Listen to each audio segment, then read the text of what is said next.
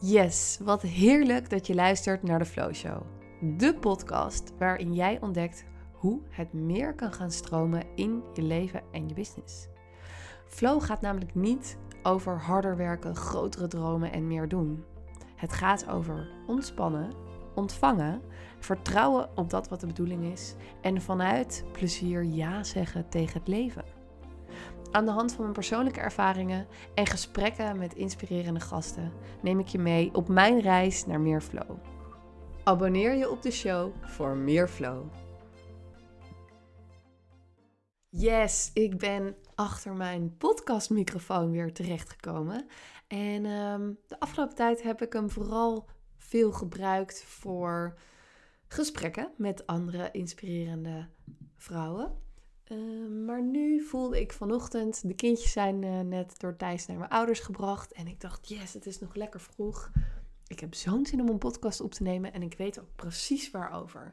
Gisteren deelde ik namelijk um, stories over mijn transformatie met boosheid.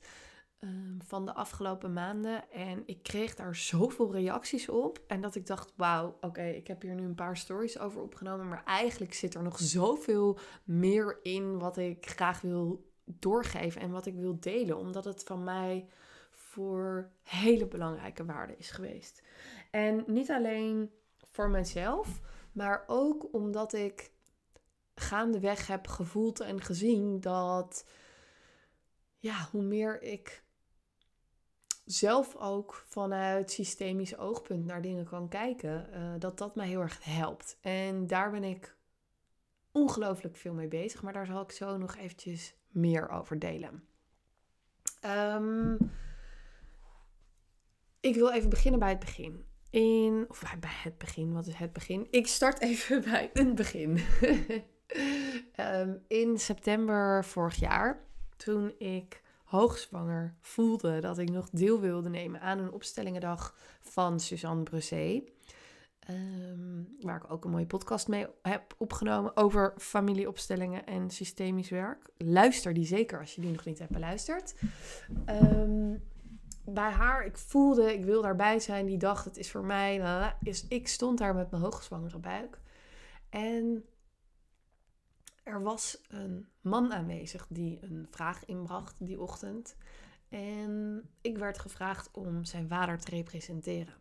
Op dat moment voelde ik, ja, dat is goed, doe ik. Dus ik ging daar staan en ik dacht, wat gebeurt hier nou? Ik voelde zulke, ja, voor mij vreemde en onwennige emoties door me heen gaan. Maar ik kon het alleen maar definiëren als voor wat ik ken als boos. Dus toen mij werd gevraagd nou vader, hoe gaat het met jou? Kon ik alleen maar zeggen, ik ben zo boos. Maar ik ben echt zo boos. En mijn vuisten waren gebald en mijn hele lichaam stond onder spanning en onder druk. En wauw, ik bleef gewoon helemaal... Ja, ik stond gewoon stijf van de, van de boosheid, van de spanning.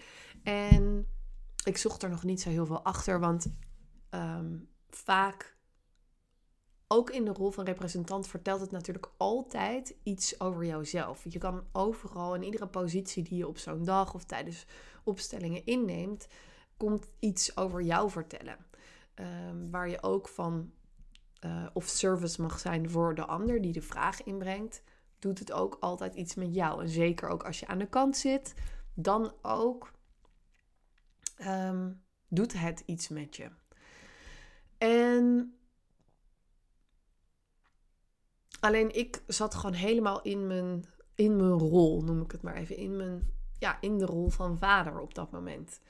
Um, daarna, in de pauze, was ik even aan het reflecteren met de man die de vraag had ingebracht. En ik voelde. Ja, ik voelde een soort onwennigheid, ongemak. En ik zei ook tegen hem van, oh, dit is gewoon, ik heb ik heb nog nooit zoveel boosheid ervaren. En dat bleef heel erg hangen. Um, later, toen ik ging bevallen ik heb eigenlijk nog niet zo heel veel gedeeld over mijn tweede bevalling. Waar ik over mijn eerste bevalling een hele mooie podcast over heb opgenomen. Over mijn droombevalling. Moet je heel ver terugscrollen, want dat was mijn eerste podcast. Uh, tweeënhalf jaar geleden. Ja, drie jaar geleden bijna. Tweeënhalf jaar geleden, ja. En um, um, een droombevalling bestaat, heet die. Die gaat over toonsbevalling. Nou, de bevalling van Bel was niet echt een droombevalling. um, hoewel het er van buiten fantastisch uitzag. Ze is in twee uur geboren. Ze is uh, uh, heel oké, relaxed ter wereld gekomen. In bad, thuis. Maar in mij, hoewel ik lichamelijk geen, um, geen hechtingen, geen, weet je, geen complicaties had, heeft het mij van binnen heel veel pijn gedaan.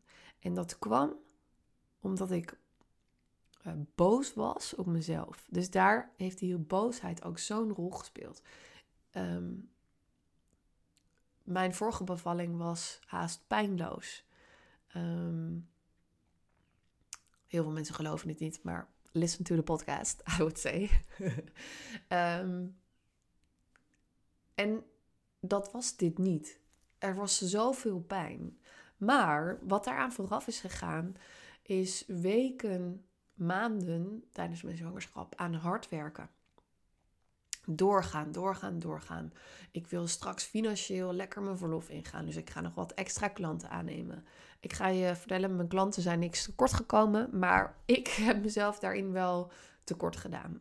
Ik heb te weinig rust genomen. Ik heb te weinig um, ja, ontspannen in mijn zwangerschap, in mijn verlof. En daardoor dus ook in de bevalling. Want dat heeft zoveel met elkaar te maken.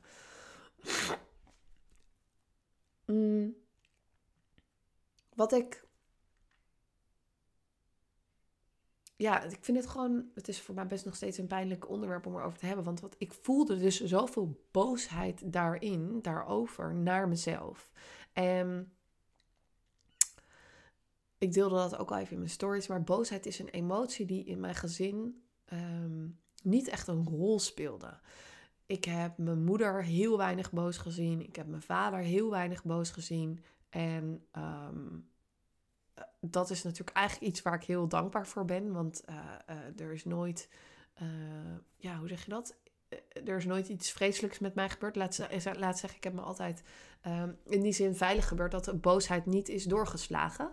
Um, alleen boosheid is ook een van de emoties die we mogen voelen, willen kunnen voelen en willen kunnen uiten, willen kunnen expressen. Want anders krijg je dus dat gevoel, wat ik dus ook had in die opstelling, alsof je helemaal dicht zit, alsof je vast zit, alsof je niet kan bewegen, bijna geforceerd. Nou ja, als je met die energie een kindje ter wereld probeert te brengen, ja, dat is nogal een ding. Dat lukt natuurlijk niet. Um, dus um, dat probeerde ik. Dat, dat ging dus niet echt van harte. En um, wat er uh, toen daarna gebeurt. Nou, ik heb, ik heb na de bevalling en nog steeds bleef dat gewoon best wel een thema, die boosheid. En um, naar mezelf toe. Maar op een gegeven moment ging het zich ook een beetje uit naar, uh, naar Thijs toe en naar de kindjes toe. Totdat ik op Ibiza was. En eigenlijk een soort. Ik zeg eigenlijk een soort, maar het is ik kreeg een woede-uitbarsting. En ik heb nog nooit zoiets meegemaakt. Het voelde alsof ik buiten mezelf was. Alsof ik niet mezelf was. Die emotie van boosheid was zo groot, was zo lelijk, zo rauw, zo vreselijk. Um, dat ik het ook best spannend vind om te vertellen, merk ik. Maar dat daarin. Het moest er gewoon uit. Het moest uit mij. En natuurlijk kan je dat niet. Ik heb, ik heb mijn kinderen niet, uh, niet iets aangedaan. Ik heb ze niet geslagen of wat dan ook. Ik heb ze niet uh, volgens, op ze gescheld of, of dat, maar ik heb gewoon geschreeuwd. Gewoon ah, zo hard geschreeuwd. En dat is natuurlijk voor een kind alsnog heel beangstigend. Dus kies daarvoor nooit je kind uit om dat op, uh, los te laten. Maar het was echt in the heat of the moment. Het kwam eruit. En ik dacht, nou, dit is echt, dit, is, dit gebeurt me nooit meer. Maar het gebeurde nog een keer. En het gebeurde nog een keer. En steeds had ik het gevoel, dit moet eruit. Maar ik voelde ook, ik moet hier iets mee. Dit is niet goed? Wat zit er in mij? Wat wil eruit? Dat opgekropte woede, dat kennen we ook als spreekwoord natuurlijk, opgekropte woede, dat zat in mij te broeien en het moest eruit, alsof er een soort snelkookpan eruit moest. Dat. Ik heb op dat moment heb ik hulp ingeschakeld van ehm, vriendinnen daar, ik heb hele fijne vriendinnen waar ik dit soort dingen altijd mee kan delen. En het is voor mij heel belangrijk om dat te kunnen delen. Want ook de ugly shit, ook de dingen waar je je eigenlijk voor schaamt en waar je je schuldig over voelt. Als je een paar vriendinnen, of als je er maar één hebt, waarmee je ook dat kan delen, ook als het even een keer over je relatie gaat. Ook als het over je kinderen gaat, wat je ongegeneerd wil kunnen zeggen. Of over je ouders, wat je misschien met anderen niet wil delen. Het is zo heerlijk en zo fijn om fijne vriendinnen te hebben bij wie je dit kan uiten. Die, de ugly shit, om het zo maar even te zeggen. En dat kon ik in ieder geval doen, dus dat was fijn. Maar ik voelde, oké, ik wil professioneel hier ook iets mee doen. Dus ik heb uh, verschillende... Um, wegen geprobeerd en ingeslagen. Want wat ik voelde was dat ik helemaal naar binnen werd gekeerd. Terwijl ik ben wel een. Um, ja, extravert is misschien groot, want, maar ik hou wel van mezelf expressen. Dus uit, uiten is voor mij heel belangrijk. En dat deed ik niet meer. Ik was heel veel aan het opkroppen. Ik had geen zin meer om zichtbaar te zijn, om het te laten zien, om van me te laten horen op Instagram bijvoorbeeld. Maar ook ehm, ja, gewoon in mijn vriendenkring, in mijn dagelijks leven. Dus ik was echt een beetje naar binnen gekeerd, opgekropt. Oh, heftig was het. Um, there's a good end to this story, so please continue listening. um, maar ik kon het delen met vriendinnen, daar was ik gebleven. En ik wilde het dus ook ja, met een professional zeg maar aanpakken. Ik schakelde hulp in van um, Elke Wisseborn van Zelfreizend Homeopathie. Zij is mijn uh, homeopaat. Eigenlijk de homeopaat voor ons hele um, gezin. En zij fungeert eigenlijk een beetje als onze huisarts. Uh, in de zin van, ja, als er iets is waar uh, ik last van heb of wat dan ook, dan, of de kindjes, dan is zij eigenlijk ons eerste contactpunt. Um, dus dat, dat is heel fijn om haar te hebben. En ik heb met haar ook een hele mooie podcast opgenomen, maar die gaat nog live komen. Dus die heb je nog te goed. Um, om met je te delen wat homeopathie voor mij heeft gedaan, wat het voor mij doet. En um, ja, hoe zelfsturend en bekrachtigend het is om daar gebruik van te maken hele, hele, hele toffe podcast. En zij is zo'n wijze, wijze vrouw. Dus ehm, als die online komt, ga die ook lekker luisteren. Maar dat is even te diep voor nu. Um, dus ik schakelde haar hulp in. Dus zij kon me bijstaan met bepaalde korreltjes, maar ook met hele mooie inzichten over je innerlijke kind. Want daar is zij ook in gespecialiseerd. Uh, je innerlijke kind trauma's die naar boven komen op een bepaalde manier. Dus hoe word jij gespiegeld door iets wat je laat zien en, en, en hoe ervaar je dat? Nou, super mooi. Dus dat heeft heel veel inzicht gegeven. En ik heb hulp ingeschakeld van uh, Damien, een, uh, een coach die. Uh, een bevriende coach van mijn zusje, die ook voor mij en Thijs veel betekent. Hij heeft mij ook weer zulke mooie inzichten gegeven. Om eigenlijk terug te gaan naar een eerder punt in de cirkel van boosheid. Want die uiting van die boosheid is natuurlijk um, de primaire reactie. Maar daar zit iets onder, daar zit iets voor wat eerder gebeurt, waarin jij wordt getriggerd en wordt aangeraakt. Ehm, dus zo heb ik hulp ingeschakeld van verschillende mensen die ik heel hoog heb zitten, die ik heel fijn vind. En ja, gaandeweg kwam ik zo verder en verder. Maar wat me vooral heel erg heeft geholpen, is door dat naar binnen keren en het helemaal duiken in het systemisch werk en familiesystemen en familiepatronen die ik dus nu al meerdere keren heb ervaren, heb deelgenomen, cursussen in heb gedaan, dagen in heb gevolgd, uh, boeken heb gelezen, podcasts heb geluisterd, alles, alles, alles neem ik tot me. Maar ik ben vooral bezig, hoe kan ik het integreren voor mezelf? Dus ja, ik kan de boeken lezen. Ja, ik kan podcasts erover luisteren. Maar ik ben eigenlijk op dagelijkse basis bezig om te kijken, systemisch naar dingen te kijken. Dus hoe reageer ik ergens op? Waar komt iets vandaan? Hoe voel ik me daarbij? Waar komt dat vandaan? Want zoals ik het zie, zijn er een soort van twee stromen. Ja, dat klinkt misschien een beetje gek, maar een soort. Ja, in, in systemisch werk hebben ze het vaak over de onderstroom. Dus zegt dat er ook een bovenstroom is. Een stroom in jouw bewustzijn, waar je je bewust van bent, waar je van weet, hey, dit is waar het over gaat. Wat je ook nog wel met je hoofd kan bedenken van, oh, ik heb, uh, word hierin getriggerd. Nou, dan is dit uh, waar het vandaan komt. Lalalala. Maar je hebt ook de onderstroom en die zit in je onderbewuste. Daar weten we heel vaak niet wat het is of waar het vandaan kwam. Komt. Ik ben dus, zoals ik al zei, op dagelijkse basis bezig geweest met het integreren van systemische patronen, oefeningen, er zo op die manier naar kijken. Dat je er niet alleen maar iets aan hebt als je een hele opstellingendag doet, maar ook gewoon voor jezelf in het dagelijks leven. Daar had ik gewoon echt behoefte aan. Ik voelde dat dat systemisch werken, de familiesystemen, de patronen daarin, dat dat iets in mij aanraakte en dat ik daar heel veel mee kon. Maar ik voelde ook, ja, als het alleen maar die opstellingendagen zijn, dan vervult het mij niet. Dan geeft het mij niet de voldoening waar ik wel behoefte aan heb. Dus ik mocht het zelf gaan ervaren. Dat is natuurlijk altijd het mooiste wat je kan doen. Dingen zelf gaan ervaren en zelf voelen en proberen en doorleven en het de ruimte geven en de tijd geven. En dat heb ik gedaan. En de boosheid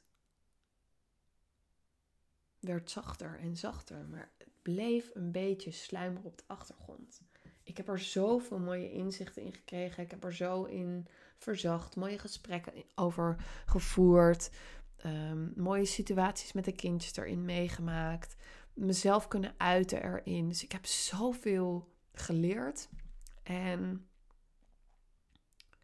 toen was ik een tijdje terug op een dag bij uh, Martijn Meijma.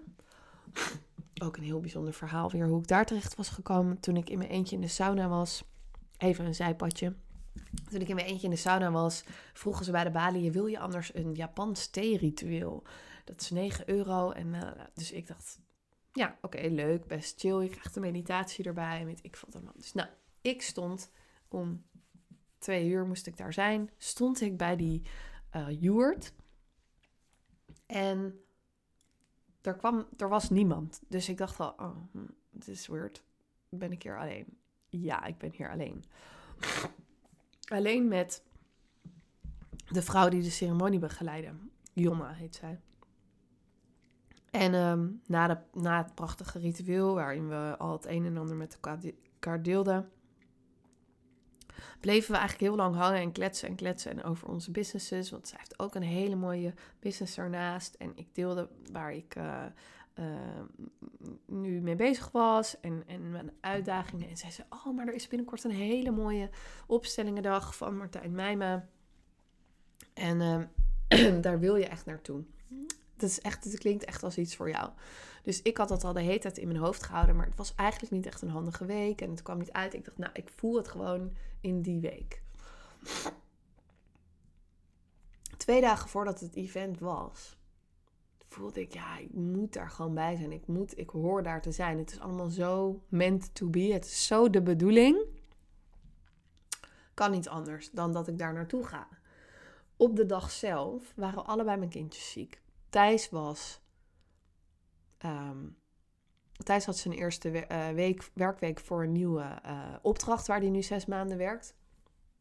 Dus hij moest eigenlijk daar naar kantoor. Maar ik zei: Schat, ik moet naar die dag. Ik weet niet, maar ik kan gewoon niet niet gaan. Ik, ik kan mezelf van alles wijsmaken over, oh, ik ben echt een slechte moeder dat ik nu dit voel. Maar met mijn kindjes die een beetje ziek beginnen te worden, uh, ik moet daar zijn. This is gonna be life changing for me. Ik weet niet waarom, maar I had to be there. Oké, mijn man is inmiddels zo crazy enough to believe me when I say this. zo fijn en dankbaar daarvoor. Hij dacht, oké, ga maar, doe je ding. En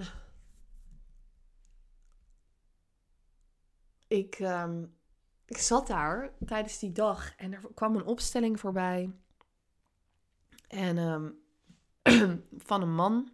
En hij zei: Ja, ik ben zo boos. Ik ben zo boos op mijn vader. En Martijn, de begeleider van die dag, zei: Nou, als dit boosheid is, er zit nog zoveel meer boosheid in.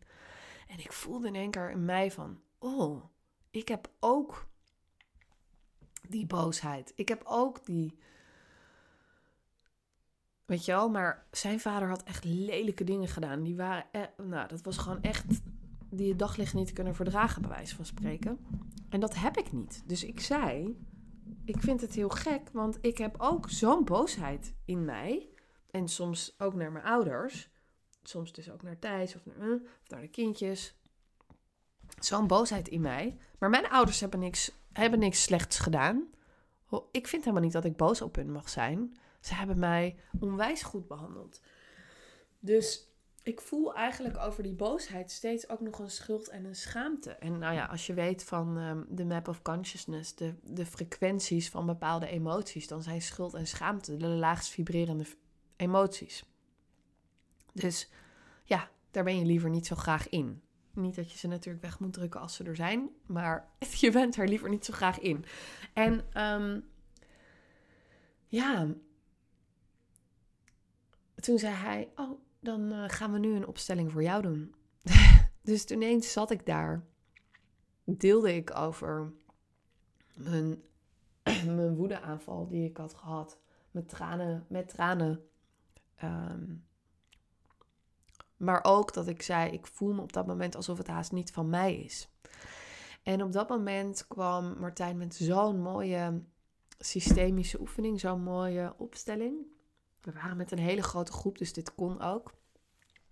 En hij vroeg om, om de zeven generaties voor mij op, op te stellen.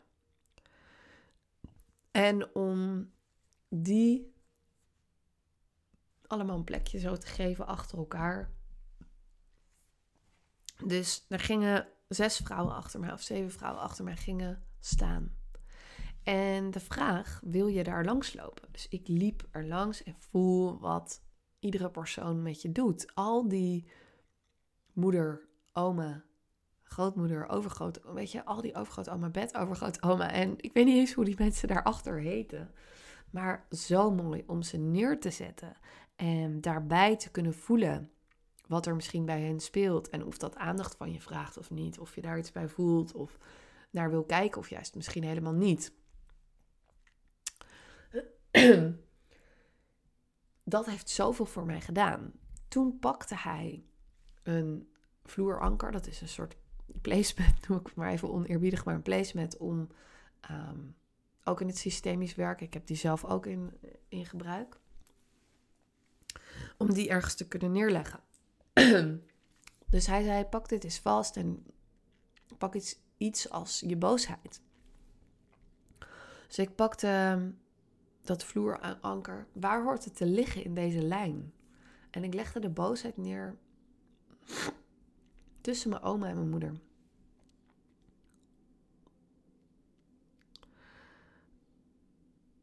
Het is even stil. het was zo'n zo'n mooi moment. Want ik voelde meteen, oh, het is dus helemaal niet van mij. die boosheid. Dit is waar ik even aandacht aan mag besteden. En de vrouw die representant stond voor mijn oma, was ook in tranen, die was heel verdrietig. En die zei tegen mijn moeder: Ik was zo druk met kijken naar mijn moeder. Dat ik jou niet volledig heb kunnen zien en kunnen geven wat je nodig had. En dat is een patroon wat door is gegaan van mijn oma op mijn moeder en van mijn moeder op mijn, mij. En waar ik dus bij voelde: hey, ik geef nu een vrouwenlijn door. Ik heb een dochter gekregen. This is not what I'm going to do. Dit is niet wat ik ga doorgeven. En dat hoeft dus ook niet. Want het kwam ergens anders vandaan in mijn familielijn. En al deze puzzelstukjes in dit transformatieproces. Om dus op een systemische manier, maar ik wil ook zeggen energetische en intuïtieve manier, mijn eigen proces te doorlopen. Te doorvoelen, te doorleven, het de tijd te geven, de ruimte te geven. Heel bewust te zijn van de signalen die ik krijg, de uitnodigingen die ik ontvang van mensen om ergens naartoe te gaan. En ja te zeggen. Ja te zeggen tegen de mogelijkheden die zich aandienen. Ja te zeggen tegen de pijn, het verdriet. Eerlijk zijn naar jezelf. Dat allemaal heeft bijgedragen aan,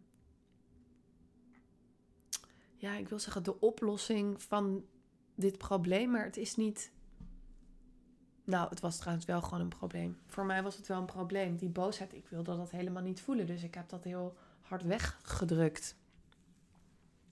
En dit is daar dus wel de oplossing voor geweest. Ja, opstellingen dagen, maar ook kijken naar hoe kan ik zelf integreren wat ik nou daar leer en voel. Hoe kan ik systemisch kijken naar wat er patronen in mij ja, wat er in mijn familiesysteem, in mijn gezin van herkomst, waar dat vandaan komt. En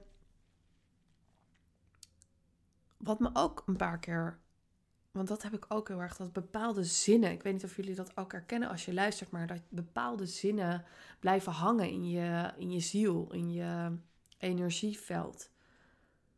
Bijvoorbeeld, ja, maar boosheid is een super mooie emotie, want daar komt creatiekracht vandaan dat heb ik wel eens gehoord. Ik weet niet meer waar, van wie of whatever. Maar dat is zo blijven hangen in mijn hoofd. En ik dacht alleen maar, ja, fuck you. Dat geloof ik helemaal niet. Want wat is dat dan? Hoe kan boosheid, wat ik dus niet veel heb gezien, voor iets moois zorgen?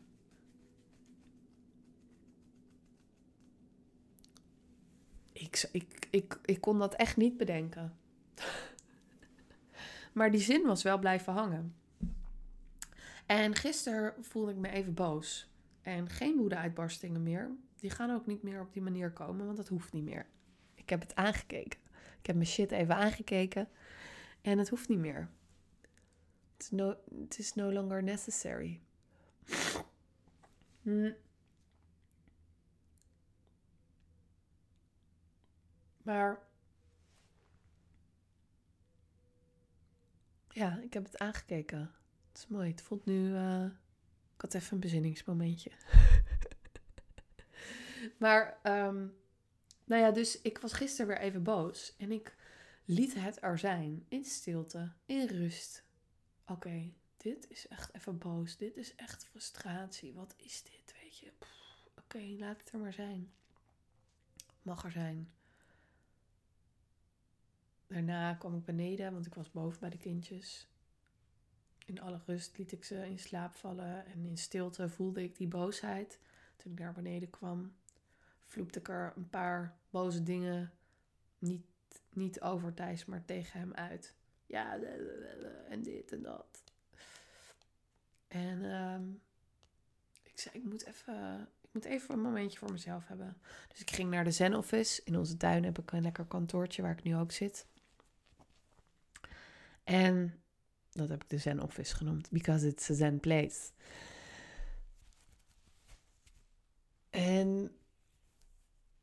ik zat daar en ik begon te typen in mijn telefoon. En ik typte en ik typte en ik typte. Ik heb bijna een uur getypt. En ineens kwam alles zo samen. Alles kwam zo samen. In. Voor het creëren van. Ja, het is gewoon pure creatiekracht. Voor het creëren van een nieuw groepstraject. En al lange tijd, en daar zit ook weer zo'n heel proces aan transformaties. zo'n hele mooie transformatie. En allemaal van die vallende uh, puzzelstukjes op zijn plek, momenten aan vooraf. Maar ik kreeg al heel lang geleden door van tijdens channeling. Je mag weer meer met groepen gaan doen. That's where you blossom. That's where you shine. En dat voel ik ook. Alleen ik had net mijn hele aanbod voor mijn verlof omgegooid naar één op één coaching. Wat ik nog steeds doe overigens. Maar dat nieuwe groepstraject, ja, daar heb ik me toch een partijtje zin in. 18 juli gaan we starten. En wat we gaan doen, is dus precies een mix van wat ik de afgelopen tijd heb ervaren. Opstellingendagen, maar ook integreren jouw manier van transformeren in jezelf. Dat is namelijk de manier waarop jij ook coacht. Dat is de manier waarop jij anderen kan helpen. En bij mij is dat dus nu intuïtief, energetisch, systemisch naar jezelf kunnen kijken. Jouw leren over de tools die er allemaal zijn, de mogelijkheden die er zijn, maar ook jou laten voelen en ervaren wat jouw manier is. Wat jouw manier van transformeren, integreren en daarmee ook coachen is en ondernemen. Hoe doe jij dat? Welke stappen zet jij? Want als je luistert, en ik hoor het zoveel, dan heb je waarschijnlijk al mega veel gedaan aan persoonlijke ontwikkeling en spirituele ontwikkeling. Ehm, en twijfel je misschien wel van, hey, zou ik niet nog een coachopleiding moeten doen? Maar ik ben er niet zo'n voorstander van. Helemaal niet als je er al meerdere hebt gedaan.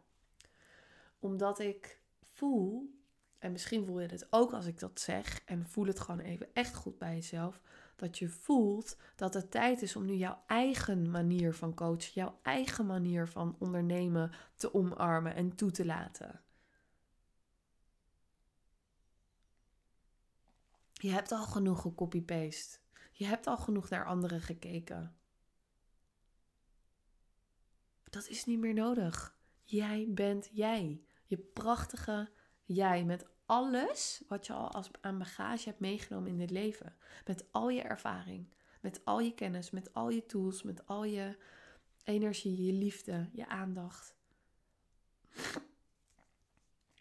En het is tijd dat je dat gaat integreren in je business. En dan is het niet namelijk meer een business. Dan is het niet een product wat je bedenkt. Maar dan is het, zoals Hielke Bonnema het noemt. En ik hou daar echt heel erg van om dat op die manier te vertellen. Hij is een van de meest bekende systemische opstellers in Nederland. Hij heeft ook een boek geschreven daarover. Geld verdienen met je roeping. Het is niet dan een product wat je neerzet. Het is je roeping. Iets wat je dagelijks doet. Zoals ik ook. Systemisch, energetisch, intuïtief naar de wereld kijken. Ik kan niet anders. Ik doe dit alleen maar. Waar help ik mensen bij? Of dat nou mijn klanten zijn, of mijn buurvrouw, of mijn kindjes. Om ze te laten voelen wat je allemaal kan voelen. En hoe je daar body aan geeft. Hoe jij vorm geeft aan wat je voelt. En dat is wat we gaan doen in dit vier maanden groepstraject. Ik ga hier niet een hele pitch verder in houden, want ik denk dat ik genoeg heb gedeeld hierover. Dat het zo echt wel ehm, een leuke teaser is voor als je voelt: hé, hey, dat is misschien wel iets voor mij. Ik wil meer met dat systemische. Ik wil meer ehm, mijn eigen vorm van coaching, mijn eigen vorm van ondernemen. Gewoon zuiver als jezelf, jij in essentie, met je roeping, bam die goedlopende business. Als dat het is, als dat is wat je wil, dan nodig ik je uit om mij eventjes een berichtje te sturen via Instagram, in mijn DM te komen of een mailtje naar hello@florentinzuren.nl. En dan ga ik daar natuurlijk leuk op reageren. Ehm, ik heb ruimte voor max acht vrouwen. Um, omdat ik de intimiteit in de groep wil bewaken en ook uh, mijn eigen tijd wil bewaken en de aandacht wil hebben om dit traject met elkaar te doorlopen. En daar hebben zich op dit moment al drie vrouwen aangemeld. Dus er is nog plek voor vijf. Dus als je voelt, hé, hey, ik wil een van die plekjes, dan hoor ik heel graag van je. En ik wens je een hele, hele, hele fijne dag. Yes, dit was hem weer even voor nu. Maar ik vind het echt vet leuk om te horen als je hebt geluisterd, wat het bij jou in beweging heeft gezet, wat er weer is gaan stromen, welke inzichten je hebt gekregen. Dus schroom niet om die met me te delen. En ik vind het ook super gaaf als je me een review achterlaat of een ster geeft. Zo kan mijn podcast groeien in bereik en kunnen we nog meer flow verspreiden de wereld in.